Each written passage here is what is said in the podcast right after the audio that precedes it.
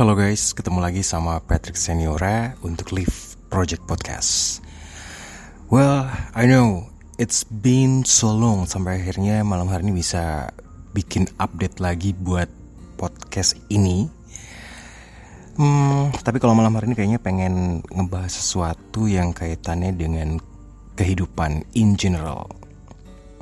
Jadi masuk ke sub kita Live of Life. Well, selama sekian lama gak bikin podcast dan akhirnya ketemu sama banyak orang, sharing sama banyak orang, brainstorming, nyerap cerita banyak orang. Ada satu kesatuan atau kesamaan gitu ya selama sekian periode waktunya. Dari tahun berapa ya? 2020, 2021, 2022. Ada kesamaan ketika orang itu bercerita, orang-orang sharing, mereka atau bahkan aku sendiri, kita itu kadang nggak tahu apa yang kita mau, apa yang kita rasa, atau ada juga bagian orang yang ngerasa nggak tahu harus cerita bagaimana dan ke siapa. Ya pastinya dengan background masing-masing kenapa sampai akhirnya orang itu ngerasain hal yang begitu ya kan? Nah, kalau kamu ngerasain hal yang sama, bingung harus mau ngapain, bingung sama keadaan kamu sendiri, in general, dengan banyak point of view hidup yang mungkin sampai sekarang juga bingung harus, yaitu tadi cerita ke siapa dan lain-lain. Kayaknya ada satu cara yang paling ampuh, yang bahkan kalau di luar negeri sekalipun gitu ya, atau bahkan di Asia atau Amerika, uh, ada yang kenal dengan istilah kapsul waktu jadi kapsul waktu itu diisi dengan berbagai macam barang termasuk salah satunya surat yang dimasukkan ke dalam kotak atau kapsul atau apa pun deh boxnya gitu ya. Kemudian disimpan, ditempatkan di tempat yang mungkin cuma kita yang tahu dan dibuka lagi setelah sekian puluh tahun. Itulah tentang kapsul waktu. Tapi kalau yang satu ini beda ceritanya. Mungkin ada sebagian dari kita yang udah tahu tentang menulis surat ke diri kita sendiri di masa depan. Nah, ada yang bilang ini sebagai salah satu cara yang paling ampuh buat kita mengenal diri kita sendiri, memahami diri kita sendiri, sampai akhirnya kita juga bisa sharing diri kita sendiri di masa saat ini untuk kita di masa yang akan datang. Dan saat kita sudah melewati waktu dan ada di masa yang dituju itu, kita pun bisa flashback lagi. Oh, ternyata aku dulu seperti ini. Ternyata ada progresnya, entah itu naik ataupun turun gitu ya. Unik sih menulis surat buat diri sendiri. Nah, kalau menulis surat buat diri sendiri di masa depan itu bisa menjadi cara menyenangkan buat melakukan refleksi diri dan menentukan hari depan yang kita impikan. Meskipun nih kegiatan ini sangat simple, kita harus melakukannya dengan serius, uh, ya biar mendapatkan manfaat yang maksimal. Sebelum menulis surat, coba deh sisihkan waktu buat mencari inspirasi. Kalau udah selesai, tulis suratnya, dan simpan surat di tempat yang aman dan gampang kita temukan gitu ya biar kita juga bisa membacanya lagi di periode waktu yang kita mau. Misalkan nih aku bikin surat di tahun 2022 ini kemudian ditujukan buat aku sendiri di tahun 2032 ada rentang waktu sekitar 10 tahun gitu ya. Selama 10 tahun itu suratnya disimpan dengan barang-barang yang mungkin kita suka atau ada tujuan lain kita bikin kayak kapsul waktu gitu. Dan ketika ada di masa itu kita akan baca lagi. Nah, coba deh kalau misalnya kamu tertarik dengan hal yang satu ini, ini bisa menjadi salah satu solusi buat kita memahami diri kita sendiri, mengenal diri kita sendiri dan mau kayak gimana sih harapan kita buat kita sendiri di tahun-tahun yang akan datang lewat tulisan kita di surat yang kita maksudkan tadi. Sebenarnya gampang, Salah satunya dengan cara tentukan deh berapa usia kita saat membaca surat yang kita tulis. Jadi kita tahu nih kapan surat ini tujukan. Misalkan kamu pengen bikin 10 tahun dari sekarang. Misalkan sekarang usianya 20. Berarti surat yang kita tujukan buat diri kita itu saat usia kita 30 tahun.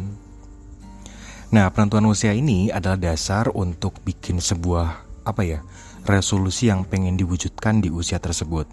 Kita boleh kok menentukan usia yang membawa kita pada kondisi kehidupan yang beda. Contohnya kayak tadi tuh, kalau misalkan waktu nulis surat ini saat kelas 1 SMA, terus pengen nulis surat buat diri kita sendiri yang udah jadi mahasiswa. Atau saat kita jadi mahasiswa saat ini, menulis surat buat diri sendiri saat nanti kita udah kerja atau menikah ataupun apa pun deh timeline saat kamu yang menentukan. Nah, selain itu, coba deh surat yang kita tulis pakai gaya bahasa kita sendiri-sendiri. Kayak bahasa kita sehari-hari gitu loh. Kayak kita jadinya kayak ngobrol. Kayak sekarang ini, pakai bahasa lisan ngobrol. Kita nggak perlu bikin surat dengan gaya bahasa yang formal atau berat. Karena ya surat ini memang ditujukan buat diri kita sendiri. Coba deh tulis surat dengan kayak ngobrol sama temen akrab. Kita bisa kok pakai kata aku atau kalau memang kita nyaman dengan kata lo gue, kita bisa juga pakai istilah lo gue. Lo itu kita di masa yang akan datang dan gue adalah kita di saat yang saat ini. Gampang kan? Terus apa sih ceritanya atau isi suratnya? At some point, cerita yang kita tulis di surat dimulai tentang kegiatan kita sehari-hari saat ini, keadaan kita saat ini, terus segala hal deh. Mungkin keluh kesah kita saat ini tuh kenapa, masalah apa yang sedang kita hadapi, kondisi mental kita saat itu seperti apa. Pokoknya segala hal yang memang kita rasakan di saat ini, di saat-saat kita lagi ada saat ini. Jadi waktunya kita sekarang gitu ya. Nah setelah itu coba deh diungkapkan mulai rasa rasa takutnya kekhawatiran saat ini tuh apa uh, kegelisahan apa sih? Ada yang bilang quarter crisis of life mungkin. Nah saat-saat itu kadang juga banyak banget nih hal-hal yang mungkin bergejolak sama diri kita sendiri tapi kita nggak tahu ya harus ngobrol sama siapa ke mana.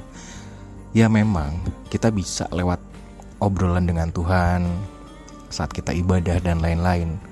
Cuman kadang kita masih rasanya ada yang kurang aja pengen declare what we feel gitu kan.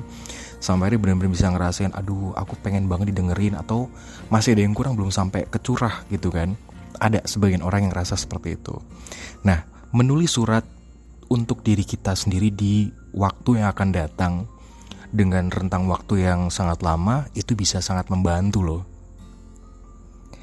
Nah, kalau udah tahu, udah semuanya diceritain keseharian kita, masalah kita saat ini, uh, kita bisa juga kok memulai apa ya, bisa dibilang point of view kita saat ini. Jadi pola pikir kita saat ini, pendapat kita saat ini boleh dituangkan lewat tulisan kita. Yang pastinya sekian puluh tahun nanti akan berlangsung dan kita lewati pasti akan ada perubahan. Dan jangan kaget kalau saat nanti 10 atau 20 tahun lagi saat memang kita buka surat yang ditujukan itu, kita bakal kagum sih. Oh my god, ternyata dulu gue begitu. Gitu deh. Nah, jangan lupa juga saat kita nulis nanti, tanyakan deh sama diri kita sendiri, uh, apa sih keinginan kita di masa yang akan datang, harapan-harapan apa yang memang kita pengen di masa yang akan datang, semuanya diceritain, semua harapannya, atau mungkin kayak ngerasa kita yang saat ini, versi kita di tahun 2022 contohnya, atau saat ini nih, itu pengennya tuh kayak gimana jadinya di tahun-tahun yang akan datang. Nah itu bisa nih, diceritain, disampaikan, apa ya, kayak curhat sama diri sendiri tapi lewat tulisan, gitu. Dan tahu nggak tentang menulis surat untuk diri sendiri di masa yang akan datang itu bisa menentukan siapa kita loh di masa depan. Misalnya nih, saat sekarang kita punya kebiasaan buruk, bangun bangunnya kesiangan, suka begadang, gaya hedon, nongkrong segala macam. Pokoknya pokoknya hal-hal yang menurut kita itu jelek. Disampaikan aja. Uh, nanti semoga kamu di tahun 2030 gitu ya. 2030 kamu udah nggak bangun siang lagi, kamu udah nggak suka minum lagi, segala macam. Jadi hal-hal yang bisa dibilang sebagai harapan kita yang udah kis apa udah bisa kita capai di masa yang akan datang. Selain itu, selain harapan ya, kita juga bisa nih kasih nasihat buat diri kita sendiri.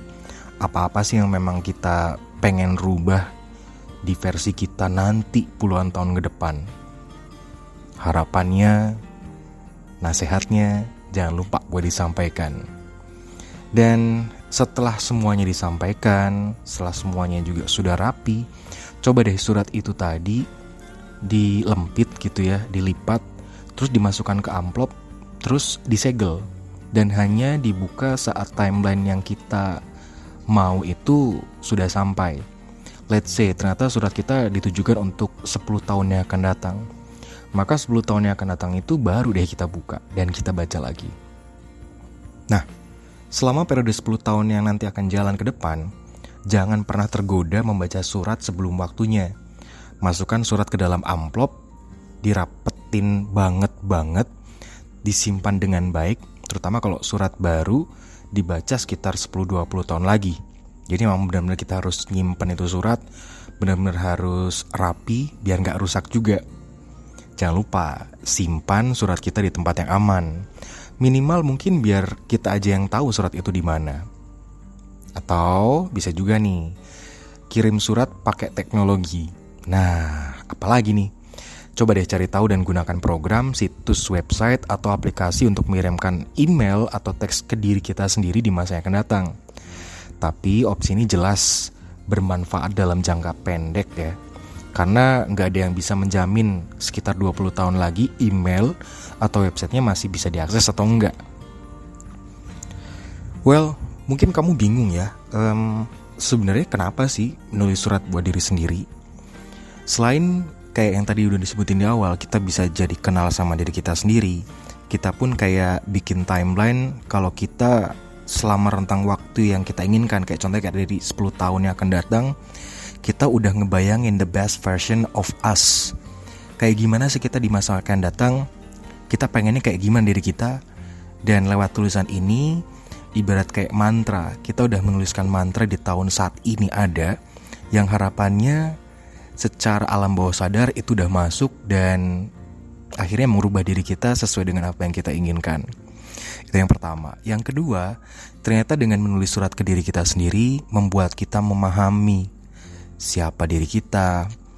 Paling enggak kita udah nggak haus lagi deh mencari orang apa ya uh, nyari orang atau pihak buat kita sharing, buat kita cerita karena basically yang paling tahu tentang diri kita ya diri kita sendiri.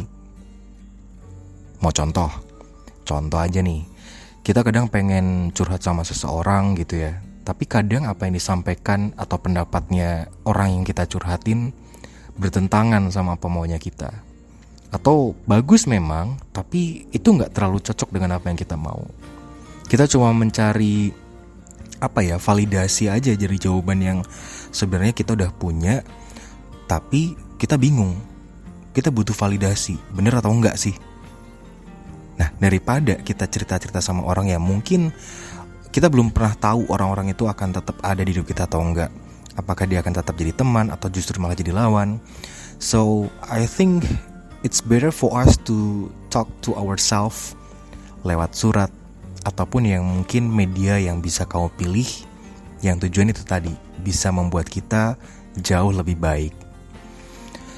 Nah, mungkin kalau saat ini kamu ngerasa jadi orang yang bingung harus ke mana, nggak tahu arah dan tujuan, bisa jadi dengan menceritakan diri sendiri, sharing diri sendiri, menasihati diri sendiri untuk kita yang ada di masa depan, paling nggak kita udah tahu, you really know what you wanna do.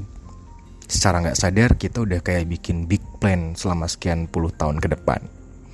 So, buat siapa pun deh yang lagi dengerin Live Project Podcast ini, semoga yang satu ini bisa menjadi ide tersendiri buat kamu ya dan yang paling penting, semoga setelah ini kamu udah gak akan ngalami kebingungan lagi apa pun permasalahan yang sedang kamu hadapi. Gitu deh. See you when I see you. Oh ya, yeah, by the way, setelah ini aku bakal ngasih sampel satu surat yang udah aku tulis buat diri aku sendiri yang nanti aku akan masukkan ke dalam Live Project Podcast untuk episode Live of Mine. So, just don't miss it. See you when I see you and Live Project Podcast. Bye-bye.